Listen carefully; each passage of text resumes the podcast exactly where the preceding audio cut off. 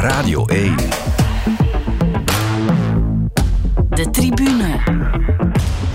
Met Tom van den Bulke. Hallo en welkom bij deze extra aflevering van de Tribune. De maand februari is aangebroken en dat betekent niet alleen de start van het wielervoorjaar, maar ook de terugkeer van het Europese voetbal. In de Champions League ligt de groepsfase achter ons. Het is tijd nu voor de knock-outfase.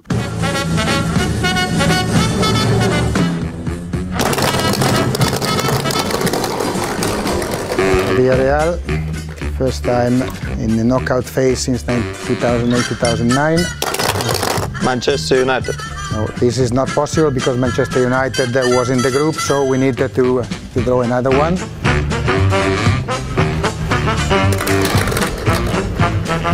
I was Manchester City. And we are ready for the third pairing, which will start with uh, Club Atlético de Madrid. We have uh, uh, no, the possibilities are uh, all except Liverpool, uh, who was in the same group, and uh, Manchester United. Manchester United has been already drawn.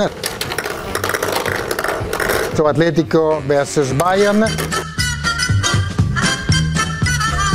Good afternoon, uh, ladies and gentlemen. I apologize for the fact that we have had to gather again to redo the draw for the UEFA Champions League round of 16.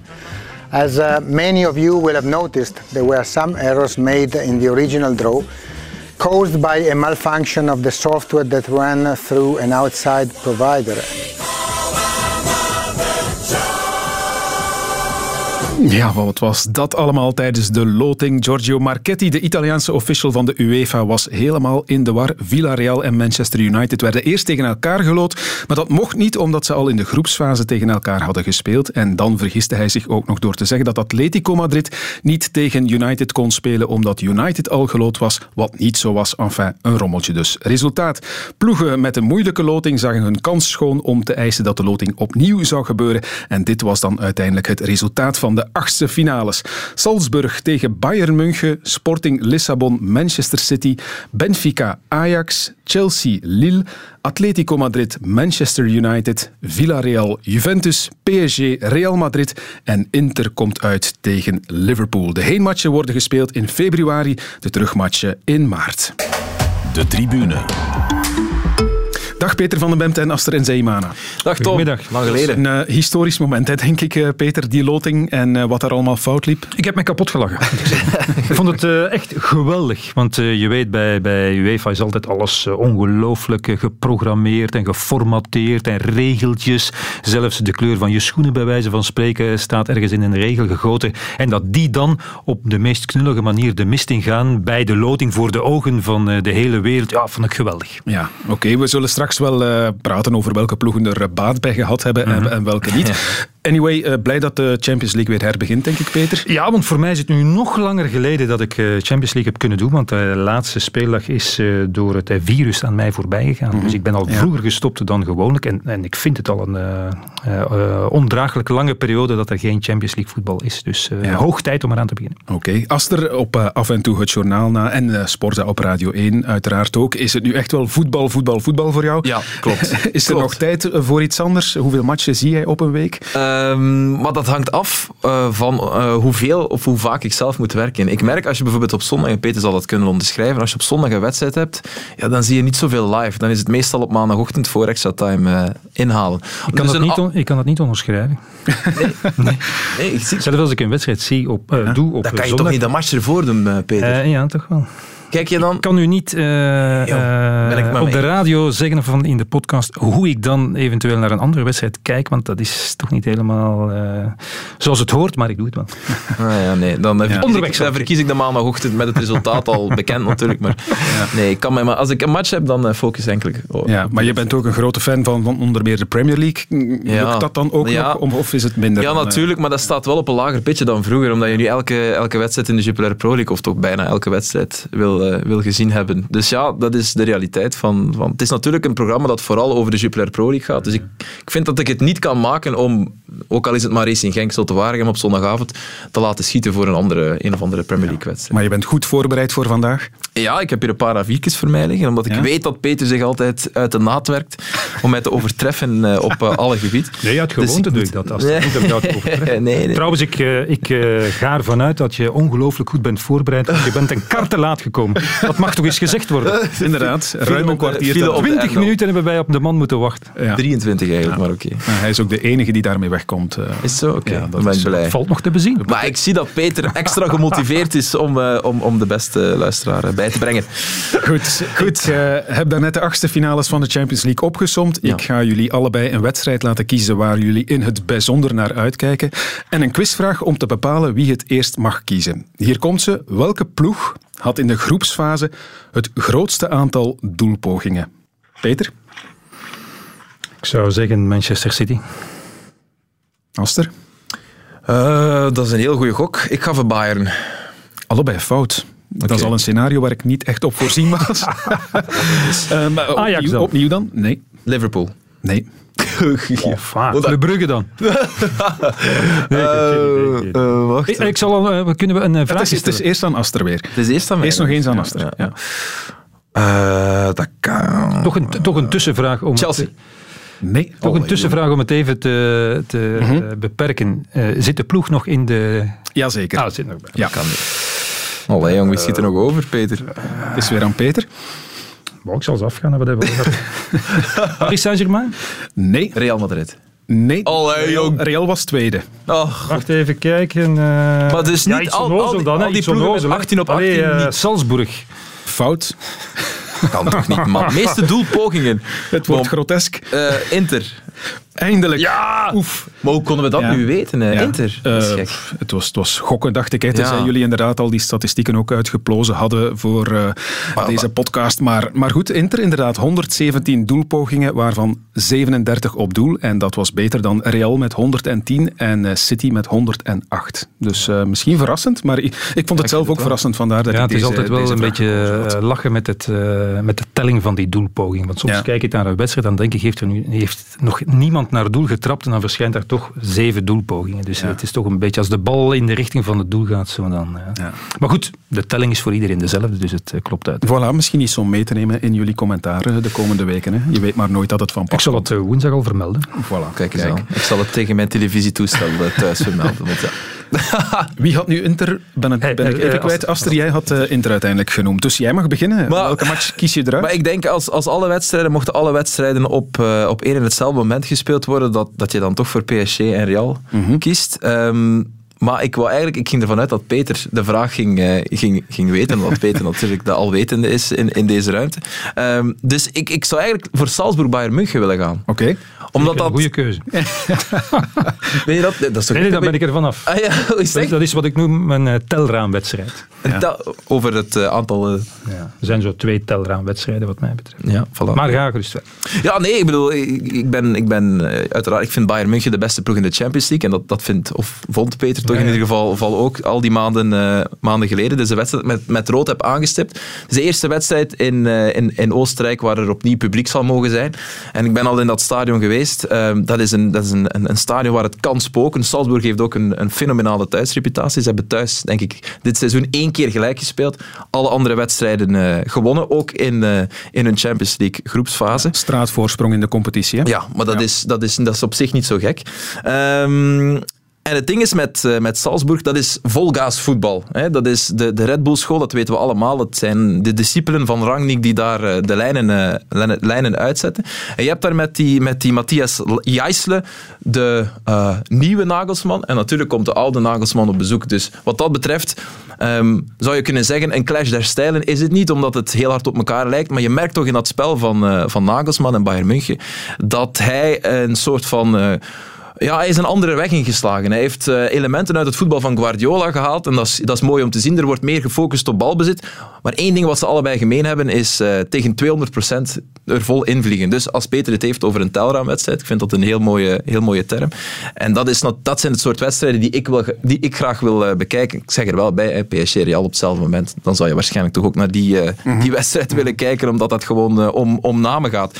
Maar ehm, ik vind het een interessant verhaal bij, bij Salzburg, omdat die ploeg die blijft zichzelf eruit vinden. Meer, dan, meer nog dan, dan Leipzig. Um, ze hebben altijd, als je naar de sterren van morgen wil kijken, of misschien in hun geval overmorgen, moet je het op, uh, op Salzburg, uh, Salzburg zetten. Ik heb de wedstrijd gezien thuis tegen Sevilla, denk ik. Dat was op de slotspeeldag van, van, van de Champions League. Het was, een, was eigenlijk niet hun beste wedstrijd, want Sevilla maakte zelfs kans om, om te winnen wat, wat betreft het aantal kansen. Maar zo'n zo'n zo'n Adeyemi, dat zijn de soort spelers waar mijn hart sneller voor gaat slaan. Is, is snel, goede dribbel, uh, scoort makkelijk, is denk ik de beste man bij, bij Salzburg. Dus er zijn veel redenen om daar naar uit te kijken. Ook vooral omdat het de match van het jaar is voor, uh, voor Salzburg. Ik denk dat ze in 2020 ook eens tegen Bayern speelden in de groepsfase. Hoeveel het was? Uh, nee, dat weet ik niet meer. In dat stadion waar, ze, waar het kan spoken. Ja, het was zonder publiek, wat je nu zegt. ja, zonder publiek. Alweer zonder een quizvraag. Uh, 0-5? 2-6. Ah. 2-6, ja. ja. Kijk, dat zou geweldig zijn. Dat Vandaar het telraam. Ja, maar er zat geen publiek toen, dat weet ik wel. Dus uh, dat maakt nee, maar het is waar, want ik heb er eens een uh, wedstrijd gedaan. De laatste speler van de groepsfase was wellicht het jaar voordien. En ze maakten nog kansen spelen tegen Liverpool. En ik had mij er geweldig voor opgenaaid. Het was ook een hele leuke belevenis. En ze gingen er vol voor. Maar goed, ja, tegen Liverpool kon ze dan uh, finaal toch niet op. Maar alles bij elkaar. Ik onderschrijf wat Aster zegt over, over uh, Salzburg. Maar uh, als, je, als je dan de vergelijking maakt met Leipzig, is het toch Red Bull, maar er is wat water bij gekapt toch. Dus het is toch een klein beetje verdund, ja, omdat, ze, omdat het de minder kwaliteit is. Want de dat allerbeste is, ja. spelers, als ze al niet naar een betere topclub gaan, ja, verhuizen ze toch naar Leipzig. Dat is ook min of meer de idee erachter. Dus, uh, het vlaggenschip, hè? Leipzig is het vlaggenschip. Ja, dus met alle goede bedoelingen en hun, hun doelstal dat ik hier even opgeschreven in die competitie 42-12, ja, gaan ze toch een pak rammel krijgen. Dat uh, in de lengte van, ik zou niet zeggen jaren, maar weken toch nog gaan voelen, denk ik. Ik ja. heb nog eens voor de sport de doelpunten opgeschreven van die van Bayern München. Zo, hè. kwestie van toch eens iets te doen. Ook in de, in de groepsfase heb ik Bayern München een paar keer bezig gezien. Tegen betere ploegen in principe dan uh, Salzburg. en hier raakte uh, Kant nog wel, moet ik zeggen. Dus 22 3 is het doelsaldo van Bayern, 18 op 18. Ja. Lewandowski, en 35 doelpunten. Voilà. Muller 10. Inderdaad. En uh, ik had het 12. ik had het ook eens opgezocht, inderdaad. Dus uh, 29 matchen en 35 goals ja. voor Lewandowski. ik voel dat het tijd is voor mijn eerste voorspelling. Oei, ja. ja. Okay. we houden ons ik, neem er, ik neem er die andere telraamwedstrijd bij, namelijk Sporting tegen City. Ja, maar dat is... En ik voorspel over die vier wedstrijden 20 doelpunten. Oké, okay. okay. ja, voilà. okay. spektakel gegarandeerd. Peter gegarandeerd. maar ik vind, ja, wie zei dat? Ik denk dat het Filip was die het zei, dat een masterclass allemaal goed en wel, maar een masterclass kan ook heel saai zijn. Maar net, net, om, net omdat, maar, maar net omdat ik wel wat verwacht. Saai. Echt waar. Bayern München is, is nee, in, wedstrijd, in wedstrijd tegen Benfica bijvoorbeeld, in de thuiswedstrijd, ja, je hebt toch de hele, het was 5-2 denk ik, je hebt toch de hele ja. tijd het gevoel, ja, Bayern is hier te sterk.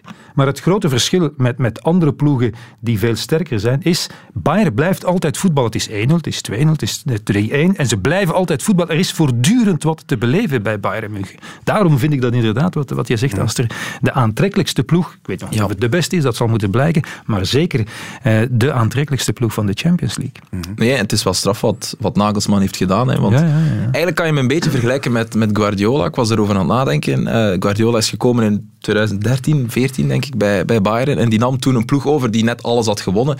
Die aan de top stond van zijn kunnen en die eigenlijk niet beter kon. En hij stond toch voor de uitdaging, en net als Nagelsman dit jaar, om er toch nog iets beter van te maken. Want Guardiola kwam met die reputatie en met dat mooie voetbal van bij Barcelona richting, uh, richting Bayern.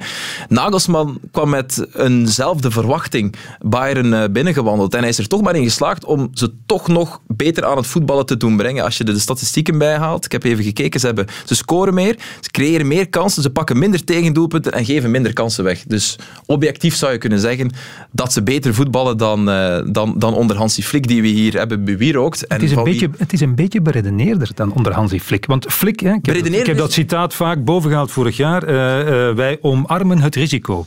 Ja. Flick die ja. stormde maar vooruit en die zei uh, 7-6, prima, dan hebben we gewonnen. en dat is bij Nagelsman toch een klein beetje, een klein beetje ja. anders. Maar ik weet niet of dat... Als je, als, je, ik, als je de vergelijking maakt met Guardiola, ja, die kwam natuurlijk als veelvoudig winnaar, of eenvoudig, moet ik zien wat ik zeg, eh, winnaar van de Champions League. Meervoudig, hè? Twee Ja, keer. meervoudig winnaar van de Champions League, eh, kampioen van Spanje, de beste ploeg van de wereld eh, getraind. Ja, dat is toch een andere reputatie dan ja, Nagelsmanneke, zal ik maar zeggen, in vergelijking. En ik, ik heb toen al wel een keer gezegd, Guardiola kwam bij Bayern München, wat Aster zegt, alles hadden ze gewonnen, net de treble. Bij elke eindzegen had ik meer compassie met, eh, met Guardiola, want we wisten dat hij ging komen het jaar nadien. En hij zette eigenlijk al die topspelers die alles hadden gewonnen, met andere woorden, afgestudeerd aan de moeilijkste richting eh, aan de universiteit, met de grootste onderscheiding, zette hij terug in het eerste jaar van dezelfde richting. En zei, nu ga ik het u eens leren. En die deden dat nog allemaal. Dus iedereen, eh, ze stond al klaar met de dwangbuis, omdat hij eh Kimmich, de beste rechtsback van het moment, eh, centraal op het middenveld zette. Dus dat was toch een, een duidelijk bewijs van zijn verregaande vorm van geschiftheid eigenlijk. Ja, en hij is er niet meer weggegaan, Kimmich. Dus dat zegt wel, dat zegt wel genoeg. Maar inderdaad, misschien beredeneerder zou je kunnen zeggen, of je zou ook moderner kunnen zeggen. Want, Ja, ja, redeneert, het, het, het doet mij nu een beetje eh, uitschijnen alsof het eh, behoudend is, maar Ja, dat is, dat is het absoluut niet. Maar Voilà. ja, misschien met toch net iets meer oog ook voor, eh, voor ja, de restverdediging, hoe ik dat noemen? Ja, het, het, het gegenpressen. Ik heb, er, ik heb er nu weer, mm, ter voorbereiding van deze podcast, voor de, voor de duidelijkheid, want dan verdiep ik me altijd graag in, in tactische analyses en dat is, dat is soms hogere wiskunde, maar ik vind dat bijzonder boeiend hoe dat georganiseerd wordt. Ik ga dat nu niet allemaal uitleggen, want ik ben de helft alweer vergeten natuurlijk. Ik ben maar een simpele journalist.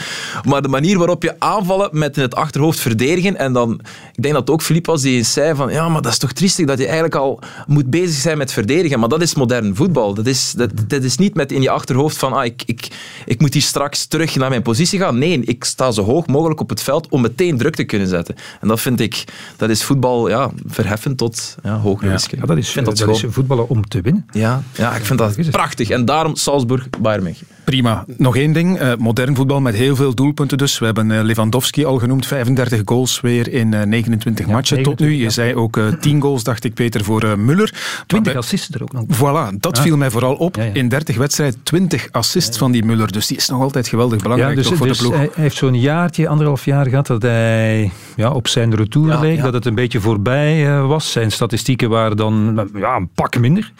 Eh, vooral doelpunten maken was een heel stuk minder. Maar ja, hij is ook helemaal, dat was vorig jaar ook al helemaal terug in. hè. Maar dat is mij ook inderdaad, ik heb het ook opgeschreven, 20 assists. Dus ja, en we zijn nog, maar we zijn nog een tijdje bezig Ja, natuurlijk. en Leroy Sané, die is ook aan een geweldig, geweldig half jaar die zijn bezig. niveau van Ja. weleer van bij City in er zijn nog beste jaar over, vind ik. Ik vind Ja, dat hij ja. nog beter tot zijn recht komt.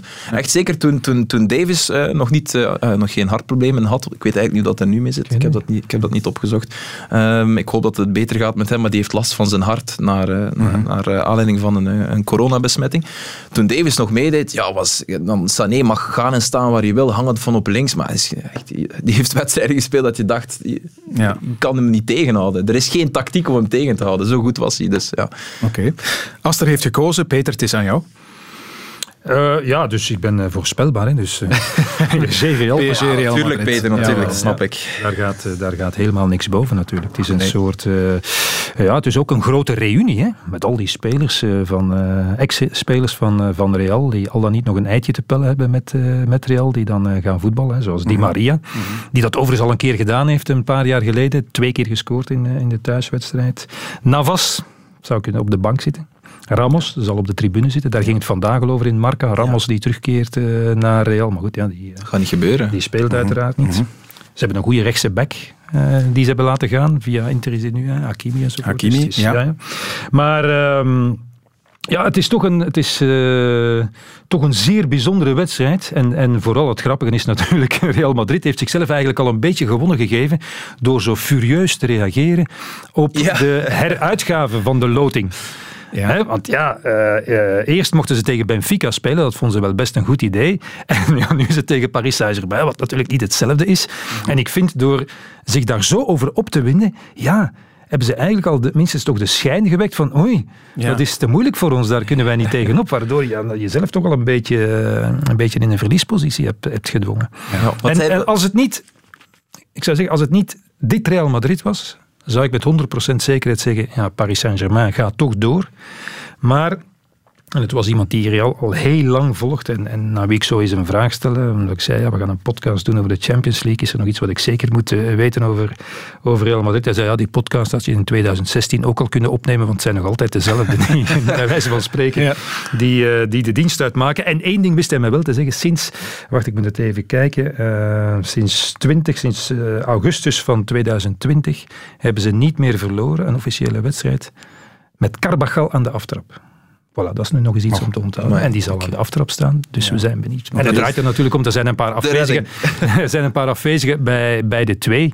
En de belangrijkste natuurlijk is Benzema. Hè. Dus uh, die ja. is nu al een hele poos buiten strijd. Ja, het is eigenlijk onmogelijk dat hij aan de aftrap zal kunnen staan. Hij heeft 23 dagen denk ik niet gevoetbald. Is het onmogelijk? Ja, ja tussen aanhalingstekens. Maar ja, Ancelotti wil hem toch meenemen en wil zelfs misschien wel een risicootje nemen met, uh, met uh, Benzema. Hij heeft zelf ook persoonlijk nog iets goed te maken. Omdat hij superbelangrijk is nog ja, altijd. Hij heeft zelf ook nog iets goed te maken, uh, een beetje revanche te nemen, want hij kreeg daar een rammeling met Bayern München op Paris Saint-Germain als coach van Bayern München 3-0 en de dag nadien, of een paar dagen nadien, werd hij daar ook werd hij ontslagen.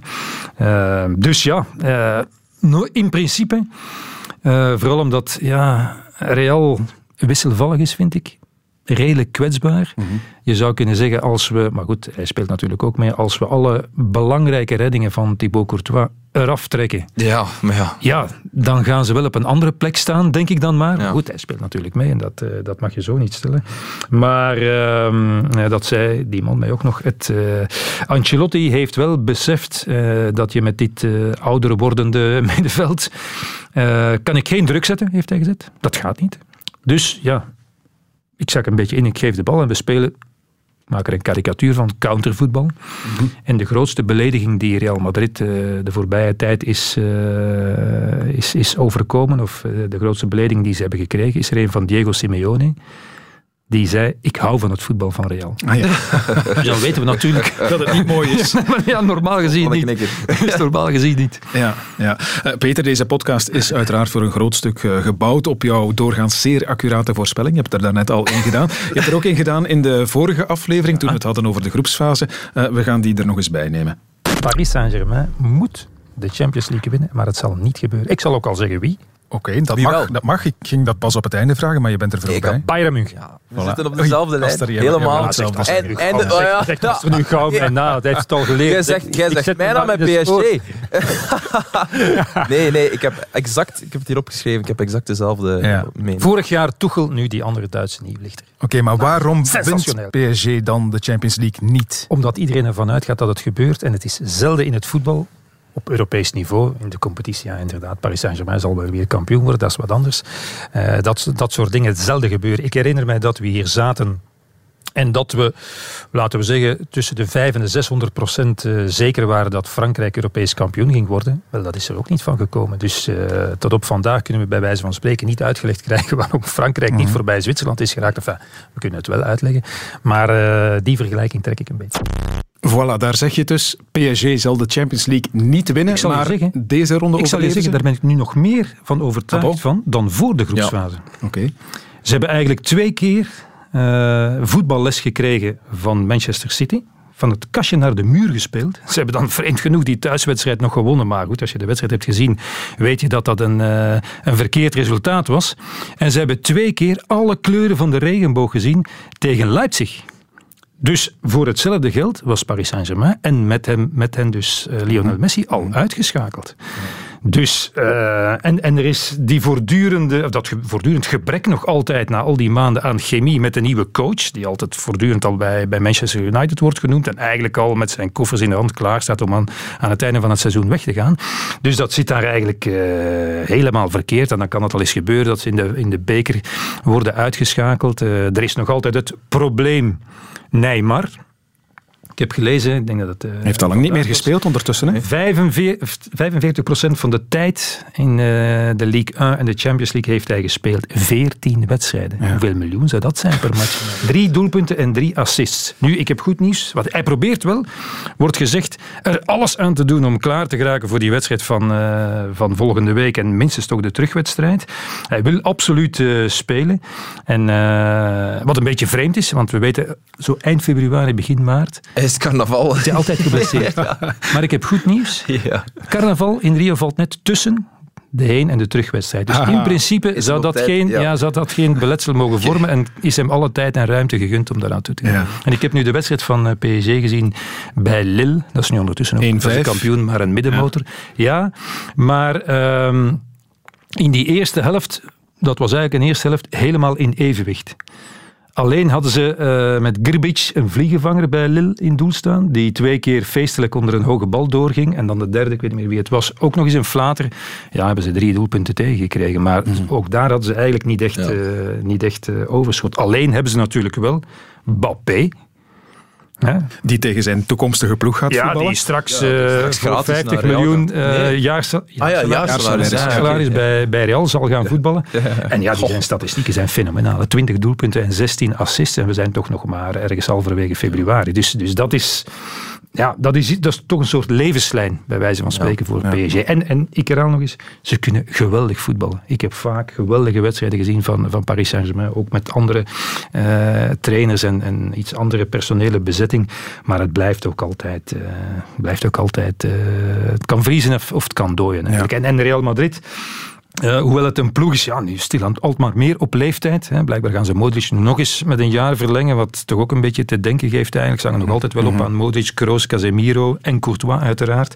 Eh, en in dit geval nu ook eh, Vinicius. Maar het is wel een ploeg en daarom hou ik een, een slagje om de arm. Ja, die kunnen wel nog altijd slechte wedstrijden toch winnen. En, verderop in het toernooi niet meer. Als ze uitkomen tegen Bayern of City, dan lukt dat niet meer.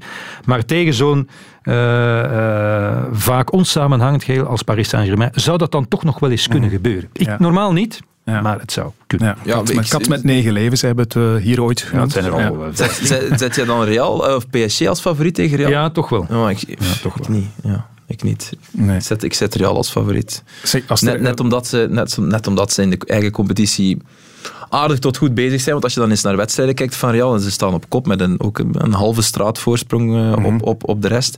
Eh, maar als je dan naar die wedstrijden kijkt, dan zie je inderdaad dat Courtois zijn aandeel enorm belangrijk is. En, en dat het aanvallend spel toch ook vaak op de tegen, eh, tegen of uit de tegenreactie is. En hetzelfde geldt eigenlijk bij PSG.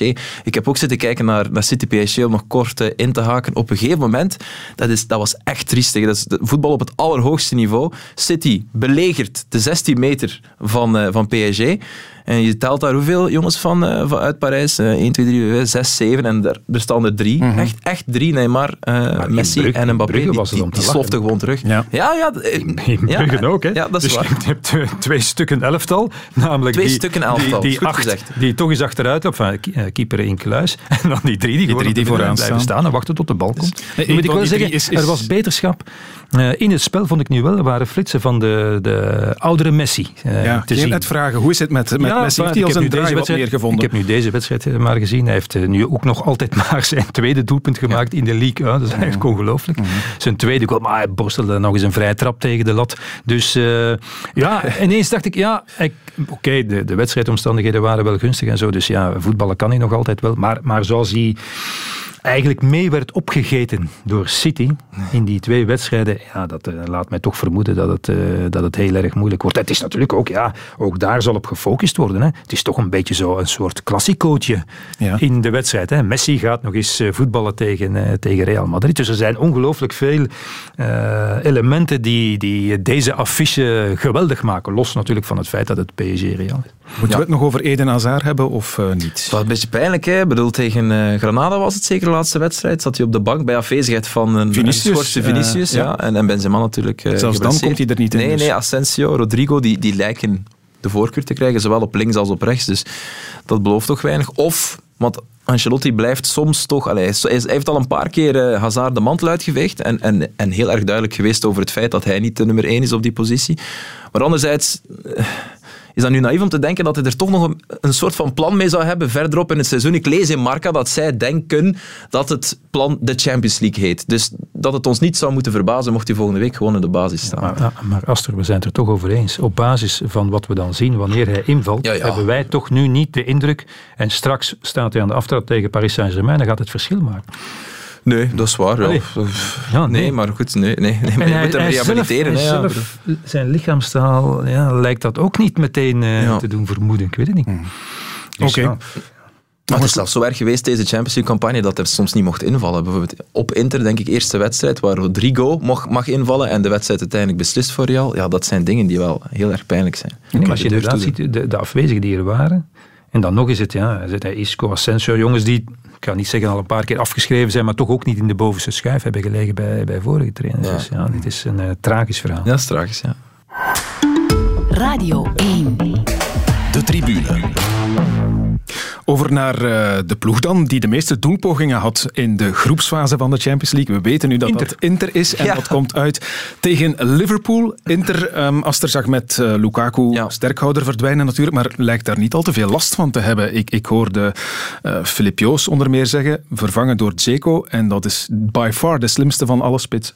De van slimste- alle spelers bij Inter. Ja, Ja. Dat, dat geloof ik ook. Dat geloof ik ook heel hard. Dat hij de slimste is en dat hij, denk ik, heel veel mensen, ook Filip Joos trouwens, verbaast met, eh, met wat hij nog presteert op die leeftijd. Want ja, Lukaku... of- 36, ja, Lukaku ruilen voor Dzeko, dat was toch voor velen ook bij Inter een beetje een zwaktebod. Die oude Dzeko die al jarenlang eh, rondzwerft in, in eh, Serie A en bij, bij, bij Roma wel nog wat, eh, wat deed, maar toch niet meer de absolute top was. Die heeft zichzelf, en misschien moeten we dan toch kijken naar de rol van Lautaro, zichzelf op een bepaalde manier heruitgevonden. Ik denk 13 doelpunten dat hij er heeft en, en 12 voor, voor Lautaro. Het is het beste duo in Italië. Het is eigenlijk het enige echte duo in, in Italië. Die Is ook echt een, eh, een aanwinst. Ik vind Brozovic onderschat als regista. Dus je hebt, je hebt bij Inter eh, veel meer overschot dan wat we hadden gedacht. Want wij met onze Belgische bril dachten toch Wij denken dat geen, altijd. geen Lukaku. Ja, wij Dat- denken ja, dat, dat, ze allemaal, dat ze alleen maar afhankelijk waren van Lukaku. Van- Lukaku maakt Inter kampioen. Dus ja, het was toch iets meer dan dat. En ook Conte kon blijkbaar toch vervangen worden. En Hakimi bijvoorbeeld ook. zo Hakimi ook. geweldig op de rechterkant. Door Dumfries. Ja, dat, was, dat heeft Ja, wel ja. lang geduurd. Hij heeft zelf nog vorige week in een interview gezegd ja, dat het toch wel heel lang geduurd heeft. Hij echt, maar nu de laatste, hij was tegen, in, de, in de derby, was, vond ik hem echt goed. Dus hij, is, eh, hij is ook helemaal daar, eh, daar terug. Dus ja. Ehm, Inter, Inter heeft inderdaad Conte vervangen door Simone Inzaghi. Heeft dat veel aan de spelwijze veranderd? Eh, hebt- Ja, maar, maar ja, maar, maar het, is, het, het spel van, van eh, Conte was helemaal afgestemd op, eh, op Lukaku. En nu is er wel wat, wat meer variatie in het, eh, in het spel. Het is iets, iets, minder, eh, iets minder voorspelbaar ook. Alleen blijf ik wel... eh, die Inzaghi, ja, in, in de derby nu zondag, het was 1-0 voor Inter. En ineens doet hij toch drie wissels. Hè? Eh, eh, hij haalt er Perisic af, en en Martinez. En ja, het wordt, enfin, niet dat het een nu noodzakelijk te maken heeft met het ander, maar ja, het wordt nog 1-2. En ineens moest ik toch denken aan Lazio Roma Club Brugge. Waar Ja, alles waar. onder controle, prima, ik denk 2-0 of zoiets. En dat ging er allemaal gebeuren. Hij haalt er eh, drie man af. Ja. Ze hebben nog met de billen toe en die bal tegen de lat, de zijn ze er nog zeker, aan ontsnapt. dus dan denk ik, ja, Ja. ja wat, eh, wat is dat toch voor, eh, Ja. voor iets raars. Ja. Ze hebben nu nog die, die Goossens gekocht voor, eh, voor op de flank. Mhm. Bij Atalanta vond ik die altijd geweldig. We gaan nu zien of die ook in een, in een andere ploeg... Hè, want dat is dan, misschien is dat toch zo'n speler die in, in die ploeg en vaak met die coach en in dat systeem eh, excelleert. Was een van de revelaties ook op het EK met Duitsland. Ja, ja, ja. ja, ja, ja. Toch in die ene wedstrijd. Ja, maar tegen Portugal, daar, Nee, daar voilà. was hij top in. Waar hij de hele flank eh, Ja. voor zijn rekening nam. Ja, ja. Het is eigenlijk ongelooflijk. Het is tien jaar geleden dat ze nog eens in de achtste finale van de Champions League eh, Mhm. hebben gestaan. Inter. Ze zijn toch, ja, ze zijn toch eh, helemaal terug. Vorig jaar was het net in de laatste wedstrijd eh, eruit in de groepsfase. Ja. Maar wel een kanttekening voor deze wedstrijd. Ze missen Barella en Bastoni. En dat Ah, zijn wel Barella, twee- dat is wel een serieuze aderlating. Ja, Bastoni weet ik dat iets minder. Maar... Nee, maar Bastoni is is, echt, is ja, echt de beste heel erg goed bezig. Ja, is echt heel, goed, Ja. heel, goed, heel erg goed bezig. Ja. Ja, oké. En dan komen ze nog eens uit tegen Liverpool. Ja, ja Aster is natuurlijk een geweldige ploeg. Ehm, nog altijd voor een groot stuk eigenlijk dat geheel dat het al jaren goed doet. Hè. Daar, Nog daar beter. zit geen sle- sleet op, in tegendeel. Ja, eh, ik heb van Jurgen Klopp, denk vandaag of, of gisteren gelezen. Hij zei: Dit is de beste ploeg die ik al heb gehad bij Liverpool. Mhm. En hij bedoelt dan eigenlijk de ruimste. Dat hij ja, iets meer kan wisselen. De twee supersterren, of twee van de supersterren, zijn nu eh, vijf, zes wedstrijden afwezig geweest. Mané en Salah, wel, ze hebben vijf keer gewonnen en Ja, één keer klopt. gelijk gespeeld. er ook. Dus met andere woorden, eh, niet dat ze het niet gemist hebben. Alleen ben ik wel benieuwd zo, hoe, hoe die nu terugkomen. Hè, want die hebben toch, ja, die hebben toch een uh, eindronde van een groot toernooi gespeeld. Hè. In principe, onze helden moeten dan toch... Uh, Salah 2, denk ik, als je alle verlengingen erbij hebt. Ja, uh, dan moeten toch een hele poos... Ja, en, ja. En, en vooral ook een enorme teleurstelling moeten mm -hmm. meebrengen. Mm -hmm. ja. Dus ja, dat is toch niet zo evident. Er wordt tegelijkertijd moet er ook onderhandeld worden over een nieuw contract. Hè. En, en hij is 30, dus ze moeten een beetje een keuze... Ja, hij is 30. Hij is nog altijd met grote voorsprong de meest beslissende van allemaal. Ik heb die 23 goals en 9 assists in, in 26 wedstrijden. Dus ja, wat in vergelijking met, met die andere twee die dan genoemd worden, Firmino zeker, maar ook Mané, dat, zijn bijna, dat is bijna het dubbele van de cijfers. Alleen ja, is, uh, is er toch flink wat dispuut, want het is al aan de gang van in, uh, van in de zomer over ja, hoeveel, hij, uh, hoeveel hij kan en mag verdienen eigenlijk. Ja, maar goed. Ik zou zeggen veel, want um, is, het, is het niet vreemd dat hij naar mijn gevoel toch niet zo heel vaak bij de echte wereldtop genoemd wordt, Mo Salah. Terwijl als je zijn seizoen dit, dit seizoen weer ziet, fantastisch. En als je naar de uitslag kijkt van de Gouden Bal... Ja, ja maar was die was zevende. schandalig. Dat vond ik ook. Dat, dat kan niet dat die zeven maar we moeten is. ophouden met ons vragen te stellen bij de resultaten voilà. van dat soort referenda, want uh, ja, ja, vaak slaat, slaat vaak nergens op. Nergens op. Je, moet gewoon, je moet gewoon kijken naar wat je ziet en wat je zegt, Tom. Hij is bij de aller, aller, allerbeste van de wereld en hij is beter op dit moment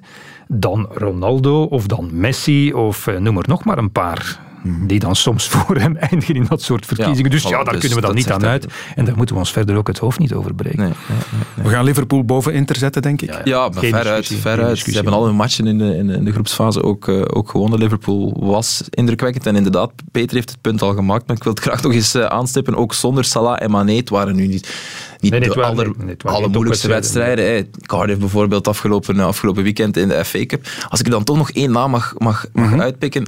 En dat toont ook um, ja, de breedte van de kern die, die, die Klopp heeft. En Peter, wat Peter zegt is waar. Hij heeft, hij heeft veel meer keuzes iemand die ongelooflijk sterk aan het seizoen was begonnen en van wie we het allerhoogste verwachten was die Harvey Elliott. Ik weet niet of je hem kent, 18 ja, ja. jaar, van Fulham. En dan zwaar geblesseerd geraakt. Ja, en die is nu terug, die viel in, terug, maakte een doelpunt, alsof hij nooit was weg geweest. Dus dat was dan sneller terug dan ik dacht. Ja, ja. ja, ja, ja het is, een, het is uh, een enkel blessure. Ja, vijf maanden of zoiets. Is Want hoe die van het veld gedragen September, geweest is, vier maanden. Dat, dan dacht je van, die zien we niet meer terug dit seizoen.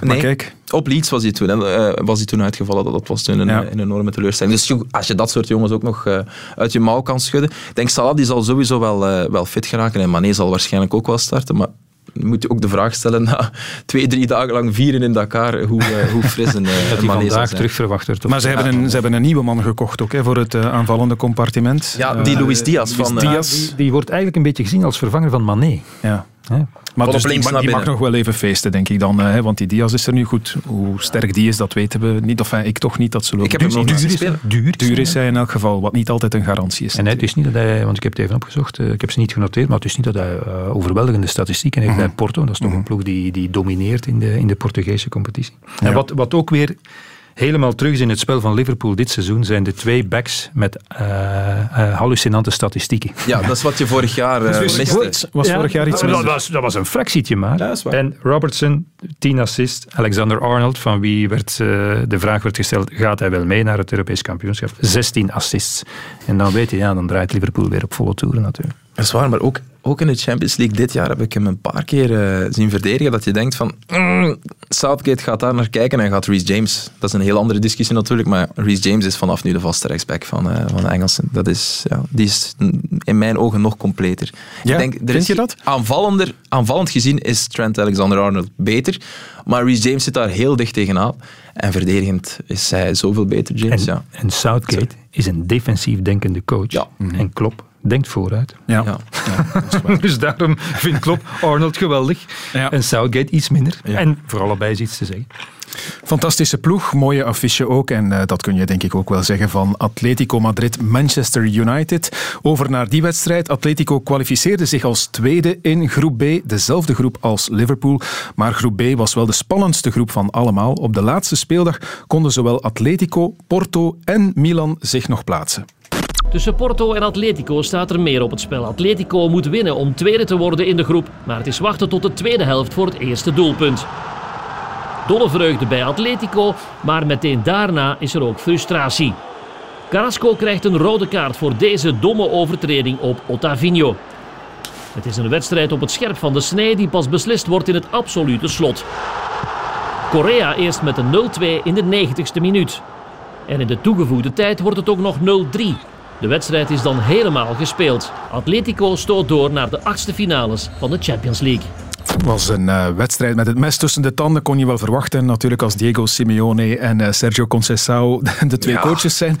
Donker randje daar hebben we gehoord voor uh, Yannick Carrasco. Rode kaart, slag of duw was niet helemaal duidelijk, denk ik. Maar ja, geschorst, hij miste duels met ja. United. Dat, dat is een enorme aderlating, denk ik. Want hij is, als ik me niet vergis, de beste man momenteel bij Atletico. Helemaal juist. Hij is aanvallend echt de beste man. En dat is pijnlijk voor Joao Felix. Wat trouwens echt gedaan is, denk ik. Dat, dat, dat verhaal lijkt me voorbij bij Atletico. Dus ja, Suarez die amper nog vooruit geraakt. Vorig jaar kon hij zich nog één keer... Was jij het die het zijn, extra time? Ik weet het niet.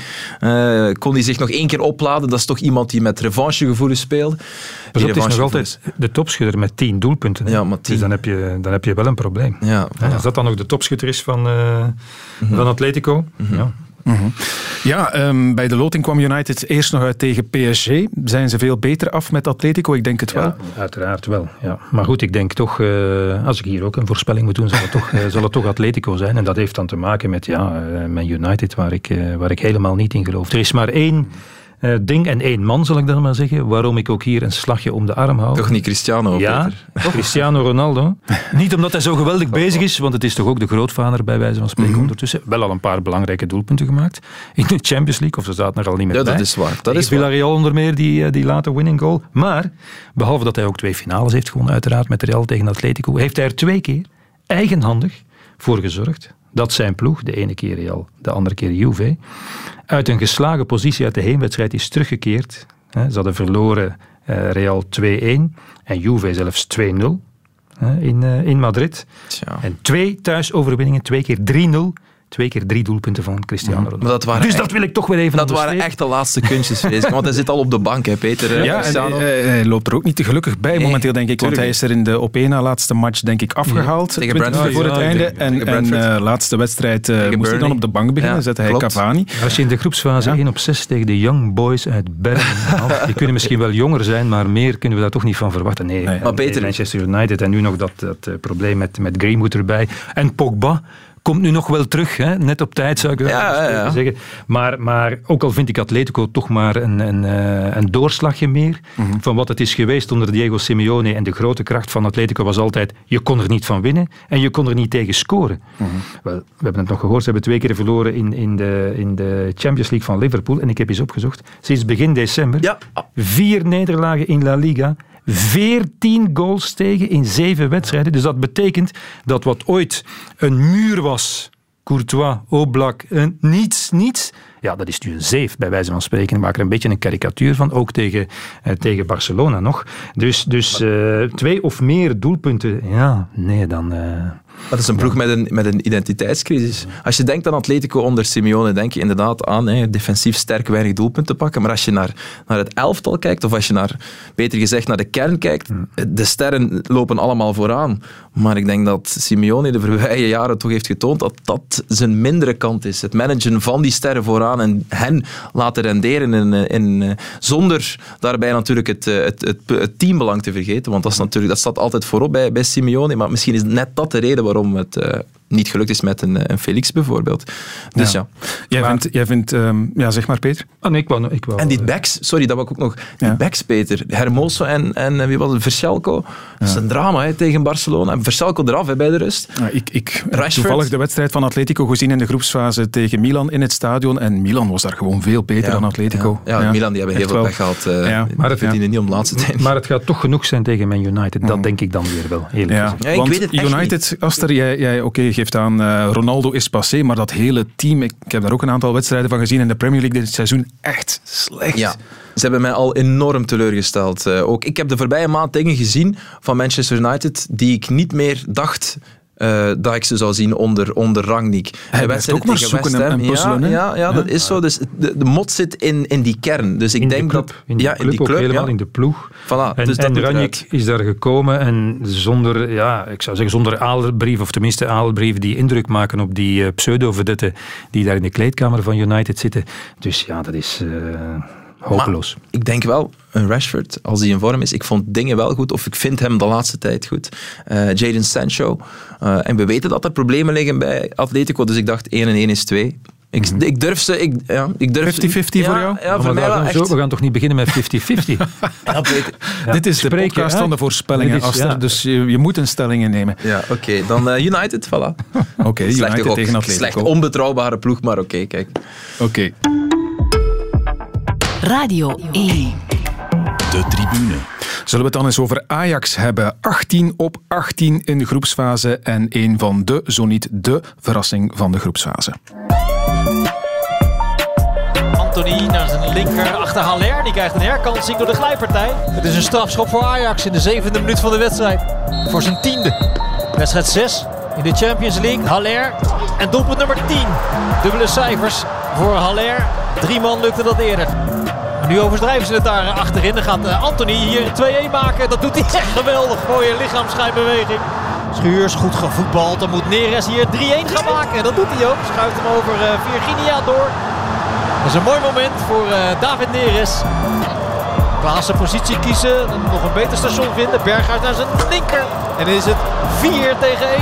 We kende Ajax misschien een moeizame start van de tweede helft. Maar eh, ziet dit er allemaal heel soepeltjes uit. Een avond waar Ajax foutloos blijft. In deze groepsfase, deze groep C. En ze zullen ons serieus nemen. Ehm, dat kan ook een nadeel zijn, maar laat ik even van het voordeel uitgaan. Ja, dat eh, ja, de ploeg die ons loopt, ja, die zal ook gewaarschuwd zijn. Hè, dat ze tegen een goed Ajax komen. Nou, wij zullen de zelfvertrouwen tanken. Wij zijn niet direct de favoriet, zeker niet. Hè, maar ja, we hebben wel zoveel zelfvertrouwen dat we tegen iedere tegenstander een kans kunnen maken. Dat was de coach van Ajax, Erik ten Hag. Kies maar wie van jullie beiden van wal wil steken met wat ik Maar- aanneem een lofbetuiging zal zijn eh, aan het adres van Ajax. Uh, Peter kijkt enorm uit naar die wedstrijd, Peter. Dus, eh, ja, nee, eh, ik, ik zet mijn geld op Ajax eh, in dit duel. Net te meer omdat, eh, omdat de coach van Benfica weg is, eh, Georges Jesus. Maar we waren eh, bijzonder onder de indruk van, van Ajax en van Aller, die in Nederland toch... Ja, er waren wel, werden wel wat vraagtekens achter geplaatst, terwijl ik die bij West Ham eh, eigenlijk wel goed vond. Ook al was het misschien wel veel zeggen dat hij daar weg mocht voor een, een veel minder goede voetballer als, eh, als, als Michael Antonio. Maar Anthony, dat, ik, dat snap ik niet dat hij nog altijd bij, bij Ajax speelt. Als je die dingen ziet doen. Ik heb ze deze week ook weer gezien tegen, eh, tegen Vitesse. Ze hebben Vitesse gewoon helemaal weggespeeld. Het is maar Vitesse natuurlijk. Conference League niveau hebben we gezien eh, dit seizoen. Maar eh, voor mij Ajax eh, absoluut eh, de grote favoriet. Ehm, als je ziet bijvoorbeeld ook, en ze hebben natuurlijk een zeer goede coach met Ten Hag, hè, maar je moet ook de jongens hebben die... die eh, de taken die ze meekrijgen kunnen uitvoeren. Zo'n Berghuis die dan voor weinig geld is gehaald. Ik denk dat niemand had gedacht dat hij zo'n niveau ging halen. Die was al goed op het, eh, op het EK. En deze week stond hij in de plaats van eh Ryan Gravenberg, die veel lager staat. Berghuis is eigenlijk een, een flankaanvaller, op de rechterflank normaal gezien. Kan ook op 10 staan, maar daar staat Klaassen. Die speelde op 8 en speelde een, een dijk van een wedstrijd. Dus ze, ze, kunnen, het, ze kunnen het overal. En, en ik denk, hè, als, je het, als je het wil hebben over die zaak van Overmars, ik denk niet dat we die hier he- helemaal uit doeken zullen, eh, zullen doen, maar dat dat soort dingen een groep net dichter bij elkaar kunnen, eh, kunnen brengen. En ja, dat was toch het antwoord dat we kregen, denk ik, eh, Ja. in, de, in de, ik wil zeggen de FA Cup, maar de, de KNVB-beker. Die, die 18 op 18 was in een groep met Dortmund, Besiktas, Niet de moeilijkste Sporting. groep. Dus niet de moeilijkste groep, Nee, maar niet. mag je daar misschien ook niet te laat dunkend over Maar doen. goed, Sporting is beter dan Benfica. Ja. Ja, dus ze hebben er nog ja. onlangs nog, nog van verloren. Ze staan er ook een pa- paar punten boven. Mhm. Ehm, eh, en Dortmund is natuurlijk niet het allerbeste Dortmund. Dat hebben we ook al een paar keer gezien. Hebben we ook in de Bundesliga gezien. Maar het is vooral de kwaliteit die, die Ajax eh, brengt natuurlijk. Hè. Ze hebben ook 20 doelpunten gemaakt. Hè. Dus, maar een Ja, enkel minder. Bayern deed beter Ja, qua doelpuntensaldo. dan Bayern, inderdaad. En 18 op 18. Hè, En ze waren ook blij met de herloting, want het was normaal tegen Inter. dus Benfica past dan toch wat beter. En ehm, eh, ik zou bij deze ook een vloek willen uitspreken over Benfica, omdat ik zeer ontstemd ben over het ontslag van eh, Jorge Jesus, Hoezo? mijn, mijn favoriete trainer langs de lijn. Als de wedstrijd niet zoveel voorstelt, biedt hij altijd geweldig spektakel. Maar blijkbaar was het toch helemaal op. Eh, hij, had vooral ru- enfin, hij verloor een beetje veel en tegen Sporting en tegen Porto, dat is een slecht idee als je coach bent, coach bent van eh, Benfica. Ruzie met de aanvoerder ook, Pizzi. Maar die is ook weg nu. Die is, Ja, die is eh, nu ook weg. Verhuurd, ja. Die is verhuurd naar Başakşehir hier is hij Ja, ondertussen. Maar de nieuwe coach, enfin, het is de assistent, ik ken hem niet, ik zal zijn naam even voorlezen. Netson Verissimo. Mhm. Wel, die heeft ondertussen toch ook al verloren van, van Porto en van Sporting in allerlei en zo. En ook nog eens van, eh, van Gil Vicente. Dus het gaat niet echt zo geweldig goed met, met Benfica. Dus ik heb een beetje te doen met eh, Jan Vertongen, want het is toch zijn wedstrijd. Hè? Het is toch de wedstrijd van Jan Vertongen die thuis komt weer in de, in de Amsterdam Arena. Maar ik moet zeggen, uh, ik ben zeer gecharmeerd geweest van, uh, van Benfica. Minder in de voorronde, waar ze PSV uitschakelden, uh, waar ze twintig minuten fantastisch waren in eigen huis. Daarna eigenlijk de volgende drie delen van dat dubbele duel onderlagen bij PSV, weliswaar vroege uitschakeling, uitsluiting hier in Nederland. Dus met de hak over de sloot eigenlijk. Maar ze hebben het twee keer uitstekend gedaan tegen Barcelona. Een keer gewonnen en daar een gelijkspel gehaald. En vooral, ondanks twee ja, stevige nederlagen in de cijfers, 0-4 en 5-2 of zoiets denk ik, tegen Bayern. Ja, wel wedstrijd wel wedstrijd gespeeld tegen Bayern München. En die 0-4 van Bayern, dat is dan maar helemaal op het einde gekomen. Je weet hoe dat gaat. Bayern komt 0-1 voor op eh, de 75ste minuut of zoiets. En die maken er dan toch nog vier. Ja. bij wijze van spreken. Dus, ja. Maar ik, ja, en... en uh, ze hebben, ze hebben op de linkerkant de Grimaldo, een geweldige winger. Die komt, uh, die komt uit de jeugd van Barcelona onder meer. Uh, ze, ze, hebben een, een, middenveld dat er wel staat met Weigel, die beter geworden is dan hij in zijn eerste periode was, en, en Joao Mario. En uh, ze hebben met Núñez, de, de spits van de toekomst, de nieuwe Cavani wordt ja. hij genoemd. Zonder die zware blessure was hij wellicht al, al doorgebroken. ze hebben mijn favoriete speler, een van mijn favoriete spelers, Rafa Silva. Die wil ik altijd en altijd en overal toch, toch een keer vermelden. En ik zou zeggen, terwijl je toch zit te genieten van, van Ajax. Kijk ook eens, als hij erin staat, naar uh, Gonzalo Ramos. Weer zo'n jong productje, 20 Centraal jaar. verdediger? Nee, spits. spits ah, spits. spits ja. Ah ja, ja naast ja. Núñez. Ja, ja, ja, Dus die, die ja, ja, ja. de voorkeur vaak krijgt op, op Jaremchuk, die zich staande heeft gehouden, maar dat heeft er ook te maken met de blessure van Seferovic, en die, Mhm. die in principe ook in de pickorde boven, boven Jaremchuk staat. Dus alles bij elkaar. Ik vind dat een aantrekkelijk elftal. En, en als ik dan een beetje aan het kijken was, uh, welke wedstrijden zouden we kunnen doen, dan zeg ik, ja, geef mij maar uh, Benfica-Ajax, want ik denk dat dat echt twee heel leuke wedstrijden gaan worden. Ja. Maar Ajax gaat, gaat, zich plaatsen, daarover bestaat weinig twijfel. Oké. Okay. De sterkheid waarmee Peter dat al voilà, dan, We hoeven alweer niet meer te kijken, we weten het al. Ja, nee, je moet vooral wel kijken, ja. want het zal niet zonder slag of stoot zijn natuurlijk. Voilà, maar okay. nog een keer, uh, uh, zonder Jesus is de affiche toch minder aantrekkelijk. Ja. Langs de lijn. Ja, die, die kregen we niet zo vaak te zien, maar is dat uh, van jawel, het gehalte Simeone? Ja, fijn, als, je, als je vaak naar Benfica ah, sorry, kijkt, ja, ja, dan wel natuurlijk, maar, maar laten we zeggen, de meeste mensen... Nee, nee in vergelijking met Jorge Jesus is Diego Simeone een grijze muis.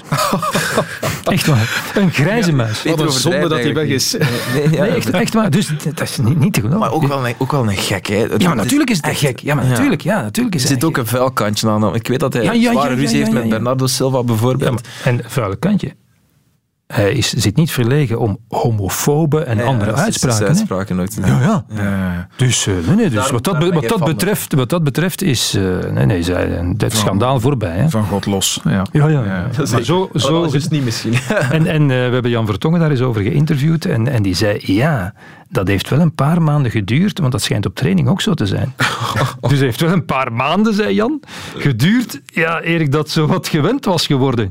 Ja. Maar tegelijkertijd, zei hij staat wel open voor dialoog. Dus je kan wel bij hem gaan en beginnen discussiëren over voetbal. Dus het is niet alleen maar een gek die roept. En, uh, ja. Dus nee, nee, dat helemaal niet. Maar het is, het is wel een attractie. En, en vooral de manier waarop hij buiten zichzelf uh, is wanneer een speler iets verkeerd doet. Of een, allez, ik heb dat voorbeeld vorige keer toch al eens verteld, denk ik. Ja, het zou waar, kunnen. Het, zou kunnen. Waar, ja, Het was een andere jonge spits die was ingevallen en tijdens een onderbreking op PSV dus, kort voor het einde. En oh hij, ja, ik herinner me. Ja, en hij roept die en hij legt iets uit. En die jongen je ziet die jongen misschien zeggen van ja, maar misschien kan ik wat niet te geloven waar hij in een toren ontsteekt en die zo terug het veld op.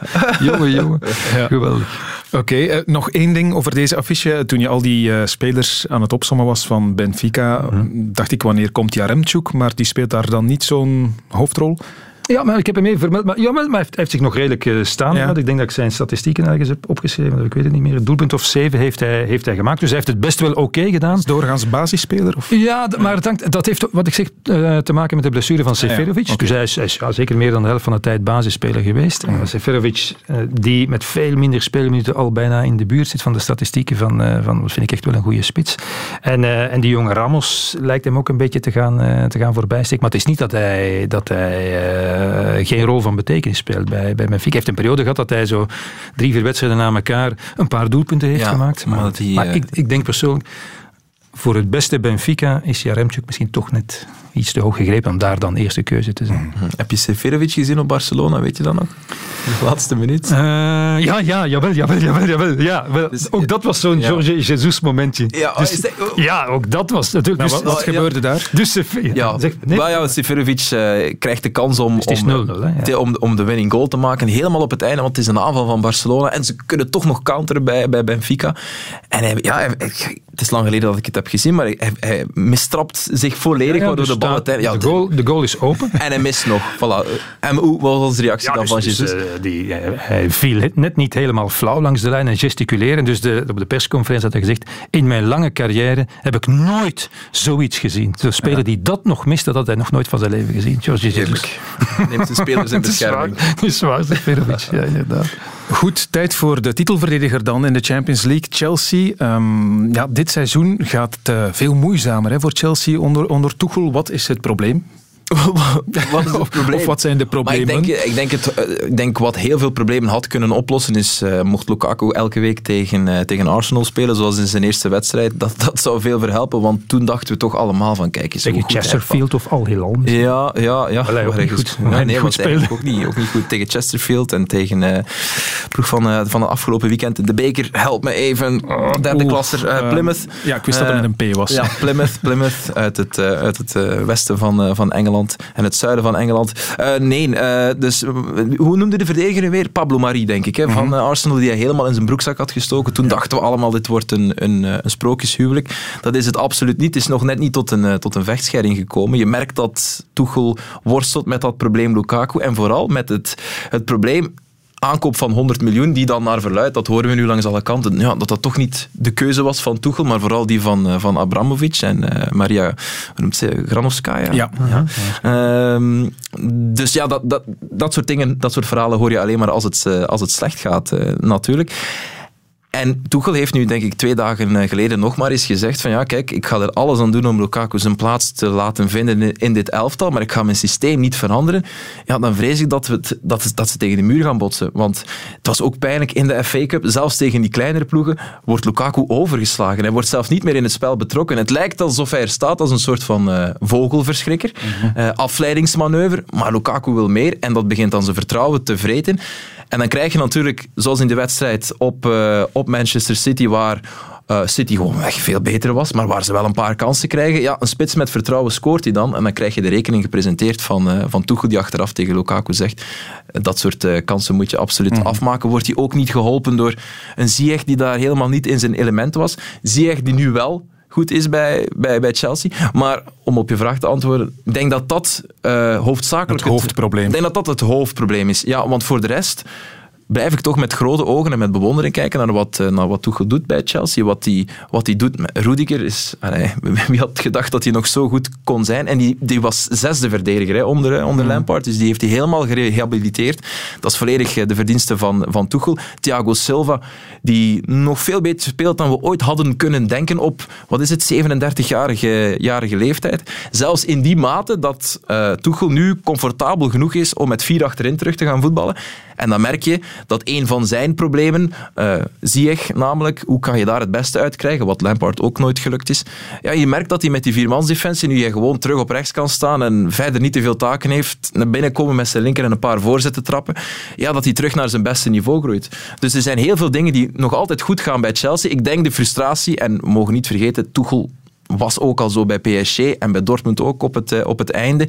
Ja, er kan frustratie uh, in, in hem kruipen als hij merkt dat uh, zijn ploeg niet doet wat hij wil. Je hebt altijd dat soort fases in een, in een seizoen. En ik denk dat mm, als je hebt over absolute topcoaches, je Tuchel net onder de Guardiola's van, van deze aardbol kunt plaatsen als het gaat over vloeiend aanvallend spel. Dus dat zal altijd een beetje in de manco blijven. Hè. Denk aan die wedstrijd op, uh, op, op, op Brighton. Dus dat, daar zat een frustratie, maar ik zie toch vooral veel positieve elementen nog altijd bij Chelsea. En uiteraard winnen ze van, van Lille. Ja, het is tegen Lille, dat gaat het probleem toch niet zijn, Peter? Nee, wat ik zei, ja. Lille uh, heeft zich vorig jaar overtroffen door kampioen van Frankrijk uh, te worden. Het ligt niet aan Jonathan David, die maakt nog altijd zijn, zijn doelpunten.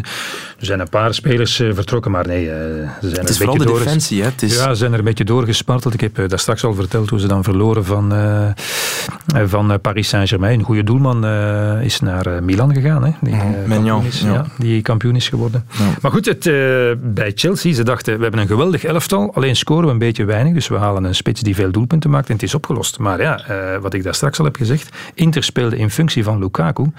En ja, Tuchel gaat eh, niet, wat, eh, wat Aster al zei, zijn systeem omgooien in functie van Lukaku. En als Lukaku, dat zien we ook bij de Belgische nationale ploeg, als hij niet het middelpunt is van het spel, ja, dat, dat, eh, dat ontmoedigt hem en dat irriteert hem. En, en eh, Lukaku, ik, ik trap nog eens een paar open deuren in, Hij moet het vertrouwen en de warmte en de schouderklopjes van de coach hebben. En wat Conte geweldig kon, ja, daar doet Tuchel niet aan. Hè? Die doet niet aan people management eigenlijk. En dat interesseert hem niet. Dus dan, waarschijnlijk is hij misschien eh, sociaal gestoord bij wijze van spreken, zeg ik dan maar even. Op een manier wel, ja. Dus, dus ja, dat is, eh, dat is toch een gigantisch probleem. Niet om voorbij eh Lille te geraken natuurlijk, maar eh, verderop wel. En ze spelen, ze spelen veel te veel gelijk. En wat is het verschil tussen gelijk spelen en winnen? Ja, een spits die er dan toch eens één induwt. En daarvoor wordt naar Lukaku gekeken. En, en natuurlijk dat interview dat hij dan gegeven heeft, wat op zich Ja, redelijk onschuldig was, ja. dat blijft hem maar achtervolgen. Ik las vandaag ook in de krant, ah, sinds dat interview, en in een serieuze krant, twee doelpunten gemaakt. Hè, tegen Al Hilal. Een bal die we er misschien zelf ook nog aan het ingedrukt. Ja, ja, ja, En tegen. Chesterfield. En tegen Chesterfield, wat ik toch alleen maar ken van, Van de zetels. Ja, dus voilà. Komen die echt vandaar? Van, eh, ah ja, ik weet dat wat Chesterfield eh, heet. Dat maar heet zo, hè. Dat, ken zal de waarschijnlijk geschiedenis van de zetel niet, maar eh, Ja, ja. Het kan Ja. wel. Het, het kan wel. Ook nog Ja, een groot- jij zou het moeten weten, want die zit in 90 Minutes toch altijd in, een, eh, in Chesterfield. Is dat een Chesterfield, ja. Ja, maar ja. kan ook uit Chesterfield ergens in Amerika komen. Ja, Daar hebben ze ook wel een paar, denk ik. Niet. Oké, ehm, benieuwd waar eh, Chelsea uiteindelijk gaat stranden, maar we Ja, gaan en wat- en dat, wat Lille eh, betreft- dat Lille doorgaat. Hè. Wat Lille- dat Lille niet doorgaat. Nee, nee jawel, wat, wat Lille betreft, als je nu kijkt hoe goed Nice het doet, Nice is eigenlijk samen met Marseille de grote uit, met het eh, Marseille van San Pauli, eh, de grote uitdager van PSG. Dat is misschien wat overdreven, maar de ploeg die Het toch het dichtstbij komt. Ja, wat is het verschil tussen eh, Lille, of de gelijkenis tussen Lille vorig jaar en Nice dit jaar? Dat is Galtier, dat is de coach natuurlijk. Dus ook dat is een eh, gigantische aderlating geweest. En ook dat is een reden om te denken dat dit maar, eh, maar, maar niks wordt. Ze hebben wel een groep gewonnen, hè. Boven Salzburg, hè. Mijn, mijn favoriete ploeg Salzburg. Wel, Aster, dat zou je tot nadenken moeten stemmen. En de Wolfsburg zat er ook bij. Die is Ja. ook niet de sterkste ploeg van nee, Duitsland. die zijn laatste geëindigd wel, maar oké. De tribune. Twee wedstrijden waar we het over willen hebben. Sporting Lissabon, Manchester City. En dan is mijn vraag, ja, de machine van Pep Guardiola. Wanneer wint hij eindelijk eens de Champions League met City? Gaat het dit jaar zijn? Dat zou kunnen, ja. Dit is die andere telraamwedstrijd. Hè. Die, Ja. eh, ja. Dit is echt de teller aan wedstrijd, denk ik. Dit, dit, is, dit gaat echt een Ze hebben voor het laatst verloren in de Premier League eh, ergens in oktober van Crystal Palace. Nadien 13 in de 14 matchen Premier League gewonnen. Acht keer geen doelpunt tegen enzovoort. Dus ja, wat kunnen we daar nog over zeggen? Ze hebben niet Eh, eens een De diepe Bruyne spits is nodig. weer is, topvorm. eh, de Bruyne, maar Mares vooral. Eh, dus ja, Maris is uh, subliem. Wat, ik, ik heb het daar straks al gezegd, ze hebben twee keer Paris Saint-Germain van het kastje naar de muur gespeeld. Zo eenvoudig was het. En, en als, je, als je zag hoe, hoe goed ze ook waren tegen Club Brugge eigenlijk, hoe goed ze hier fantastisch... Club Brugge deed er werkelijk alles aan. En, en wie op mij in al die wedstrijden die ik heb gezien van City... Je wat ik ga zeggen? Ja? Kyle Walker. Nee? Nee, aan de andere kant. Cancelo. Cancelo, Ah, ja, natuurlijk wel. natuurlijk. Ja, natuurlijk wel. Vind ik echt. enfin, het is niet de revelatie van het seizoen, maar, ik- ja, vind ik, maar ook Kyle Walker ook, maar op een andere manier. Maar die, Ja. die Cancelo vind ik, eh, vind ik echt formidabel. Maar enfin, ja, dus, dus we hoeven er niet te veel, niet te veel over te zeggen. hè. Ja, dat is een simpele, een simpele walkover. Dat is nog een, eh een voorronde wedstrijd voor City. De- wat, wat Guardiola doet met Cancelo, dat, dat is wel bijzonder, hè, Aster, want de Cancelo van City is niet die van Portugal. Nee, nee. En, en de Cancelo van, van nu is ook niet de Cancelo van twee, drie jaar geleden. Die heeft dat echt moeten oppikken. Hij heeft er een, eh, een nieuwe positie mee gecreëerd. Hè. De, wat, de, de, de inverted eh, wingback. Wingback, Zo heet ja. het dan, dan officieel. Eigenlijk wil het gewoon zeggen. Maar eigenlijk mag je hem niet meer als, eh, als links- of rechtsachter, want er staat aan beide kanten. Ja, meestal links. links, ja, inderdaad. meestal links, maar eigenlijk is hij, is hij een rechtsachter. Ehm, maar eigenlijk mag je hem... We moeten af van het idee, blijkbaar, dat is mij verteld geweest, eh, van het idee van posities. Zelfs voor spelers. Je hebt, ja, officieel is het er linksachter in balverlies, maar in balbezit wordt dat eigenlijk een, eh, een soort van acht die, die op mag komen in wat dan de halfruimtes heten. Hè, zo ergens. Dus niet helemaal tegen de zeilen, niet helemaal in het centrum, maar ergens, daar, ergens daartussen. Ehm, Ehm, ik, ik moet spontaan denken aan zijn assist eh, op Manchester United. Tegen, eh, tegen Manchester Ja, City natuurlijk. Zijn assist richting tweede paal. Wie was het? Bernardo. Silva, denk ik. Die daar binnen dat soort ballen. Dat, ja, dat maar is, zijn, zijn traptechniek is ook fenomenaal. Ja, ja. Fenomenaal. Maar ik heb die wedstrijden zien spelen. Je hebt het nu over die wedstrijd eh, tegen Crystal Palace die ze verloren hadden. Dat is een beetje hè, bij het noir, het zwarte beest, om het met een gallicisme te zeggen van, van Man City. Want elk jaar thuis vooral hebben ze daar problemen mee om een of andere gekke reden. Dat was toen nog onder Roy Hodgson dat ik ze zag voetballen. En daar echt Cancelo een slechte wedstrijd zien spelen op de back. Dat je denkt van, ah, hij heeft zoveel geld betaald, 50, 60 miljoen en die brengt eigenlijk niets, eh, of die voegt niets toe aan dit elftal. Daar denken we Als je een jaartje naar de, naar de school van Guardiola bent gegaan en je bent afgestudeerd, ja, dan, eh, Dan, dan snap je het echt. Ja. Het is nog te vroeg, zeker Peter, voor Guardiola om al iets raars te doen op... Nee, nee, nee. Dat doet hij, eh, hij, doet, hij doet het elk jaar in een later stadium. Ja, dus nu- en vermits hij het vorig jaar in de finale heeft gedaan, mogen we veronderstellen dat hij het is afgeleerd. Dat het nu niet meer gaat gebeuren. Super, maar, maar dat, kan je, dat kan geen kwaad. Maar dus normaal verwacht ik geen stoten meer dit seizoen. Nee, voilà. En dus eh, City op een drafje, daar gaan we toch vanuit naar de volgende ronde. En dan is... eh Eén ding zeggen, want dat vind ik wel jammer dat het dan Snel, net want er. Villarreal-Juve. hè? Ja, ah ja. oké, daar ken ik niks van, dus daar mag jij alles over zeggen. Dus dit is meteen mijn laatste bijdrage. Dat het wel jammer is dat het tegen Sporting is, want dat is inderdaad een betere ploeg dan, dan Benfica. Porto staat wel, denk ik, aan kop in, eh, in Portugal, maar dat is meer een, een, een ploeg dan Sporting. Sporting heeft goede voetballers. Pedro Gonçalves, zoals jij Ja, fan bent ik van... ken Sporting eh, Kan ik Ah, wel, het is mijn favoriete ploeg uit, eh, uit Porto, omdat ik er ooit eens ben geweest in het Estadio José Alvalade. Geweldige, geweldige aanrader trouwens, als je ooit eens in Lissabon bent. Zeker doen, je kan er gratis binnenwandelen. Ik wilde een, een stadiumtour boeken, maar dat ging niet. Gewoon gratis binnengewandeld. Oké. Eh, en die zijn met 0 op 6 aan de campagne begonnen. Maar daarna hebben die wel, bij Besiktas, oké, Michi Batshuayi en Co, die, waren, die stelden niks voor. Maar wel ook gewonnen van, van Dortmund. En in de eigen competitie is het eigenlijk een ploeg die sinds vorig jaar een beetje verder surft op het succes van hun, van hun titel. Dus ja, ze gaan een klop krijgen, maar dat is wel jammer dat het dan net tegen Sporting is en niet tegen pakweg Lille of zo. Oké, dan zoals aangekondigd eh, de ploeg van, Tegen City, eh, die speelt in het stadion waar jij het liefste naartoe trekt, Peter. Juventus neemt het op tegen Villarreal. Kan dat een kwaaie klant worden voor Juve? Want eh, Ja, dat, heeft opnieuw een eh, moeilijk seizoen, toch? Ja, eh, daarom. Ja. daarom. Eh, Villarreal heeft ook geen geweldig seizoen. De, de, enfin, de groepsfase was ook niet zo geweldig. Hè. Ze hebben twee keer gewonnen van eh, de Young Boys, denk ik dan maar. En, en eh, oké, een paar keer ongelukkig verloren van, van Man United. Ehm, en en ehm, eh, de, de ploeg is min of meer nog altijd dezelfde. En dat wil zeggen, het is ja, een vervelende ploeg om tegen te spelen. Dus ik zou dit een snurkwedstrijd durven noemen.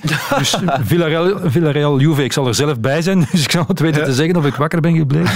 Maar dat wordt zeker een schaakspel, want eh, ja, Allegri gaat zich ook niet laten vangen. Juventus durft dat ook wel een keer, zelfs in thuiswedstrijden. Enfin, het is eerst in Spanje, eh, voor alle duidelijkheid. Dus het, zal een, eh, het zullen twee, denk ik, redelijk gesloten wedstrijden zijn, maar op basis van, van de kwaliteit. Hè, ze hebben er nu nog Vlaovic aan toegevoegd, zomaar even, Ja. voor een minuut of tachtig, denk ik. En die scoort al meteen in zijn eerste wedstrijd. Ja, dat is natuurlijk toch een, een, geweldige kwaliteitsinjectie. En de bedoeling is om, om daar een, eh, een, een koppel te... enfin, toch een link te creëren met Dybala. Eh, dus als dat begint te werken, ja, dan kan eh, Juventus toch nog wel wat gaan betekenen dit seizoen eigenlijk. Alleen... Ja, jij gelooft erin? Ja, niet, niet zich aan de Champions League niet Nee, nee, nee. Maar... ehm, Te gaan winnen van Villarreal, ja. Dat ja, wel. Maar ja. geen Chiellini met, met Juve. Ja, wel, maar, maar eh, de, de, de impact van die twee, de Bonucci en Chiellini, dreigt altijd maar een klein beetje minder te worden. Ze spelen zomaar ongeveer de helft meer van, van de wedstrijden in de, in de Serie A. Ze kunnen wel nog eens één keer geweldig zijn, dat, daar geloof ik wel in. Eh, maar ja, het is toch altijd net, net, eh, net een beetje minder. Maar ik denk wel dat eh, eh, Juventus, als je, als je kijkt, eh, ze hebben toch sinds eind november eh, niet meer verloren in de, in de Serie A. Tien wedstrijden gespeeld, zeven gewonnen, ook weer zeven keer de nul. Dus wat dat betreft gaan ze daar weer zachtjes aan weer naartoe. Dat was toch het probleem eh, dit seizoen eigenlijk. Ja, en dan die, die Vlaovic die er nu bij komt, een Servisch wonderkind, wordt gezegd. We kennen hem misschien nog niet zo goed, hij is Nee, nog jong natuurlijk. Wat voor een spits is dat? Ja, maar ik ken hem inderdaad ook nog niet zo speciaal. is een- maar bij, Ja, dat is een hele grote, sterke spits die heel snel is en heel technisch. Dat, dat klinkt een beetje als, als, als Haaland. Is niet zo goed als, als Haaland, maar is imposant. Dus je zou denken, eh, snel, eh, technisch, dan ben je eerder klein. Maar hij combineert dat met een, een grote lengte. Kan daardoor ook wel doelpunten met de kop maken. Ik dacht, ik dacht dat ik al ergens de vergelijking hoorde met eh Batistuta. Kan dat Ah, ja, ja, mij? natuurlijk, omdat Dat hij van Fiorentina, Fiorentina komt. Ja, maar ja, eigenlijk is dat geen slechte ver... Maar ik, ik heb Batistuta... Ik ben er net iets te jong voor om die, Die was, actief... die was niet zo krachtig en zo groot, meen ik mij toch te herinneren. Maar goed, vast. Maar hij is geen Haaland, het is geen, het is geen bodybuilder, maar het is wel een spits waar, en een kapstok eh, voor je elftal. Ja. Dus wat dat betreft moet, eh, moet Morata zeker eh, bij, bij Juve zich zorgen maken. Ja. Oké. Ja, maar, maar inderdaad, als Morata nog je belangrijkste spits is, heeft een doelpunt of acht gemaakt, denk ik, ja, Te weinig. dat is toch allemaal net iets, eh, net iets te weinig. Dan, eh, dan heb ik het persoonlijk liever voor, voor de man aan de andere kant, Moreno, die het met Spanje toch, eh, toch prima deed zo lange tijd. En, die, ja. en bij, en bij eh, Villarreal speelt nog altijd Daniel Parejo, hè, vind ik toch ook nog altijd een van de mooiste, sierlijkste middenvelders zo, die ik heb zien voetballen de voorbije, voorbije vijf of, of tien jaar. Maar goed, in principe... Over twee wedstrijden is het toch, eh, is het toch Juve dat zal doorgaan. Ja, en de wedstrijd is niet volgende week, maar de week daarop denk ik de eerste. Maar ik heb gelezen dat Moreno die niet zal halen. Dus ja, dan denk ik van, dan, dan schiet er wel niet veel over voor Villarreal om iets te betekenen. Oké, we gaan afronden. Hebben we genoeg voorspellingen gehad? Ik eh, denk dat we toch een aantal alle kwartfinalisten al uh, opgezond. voilà.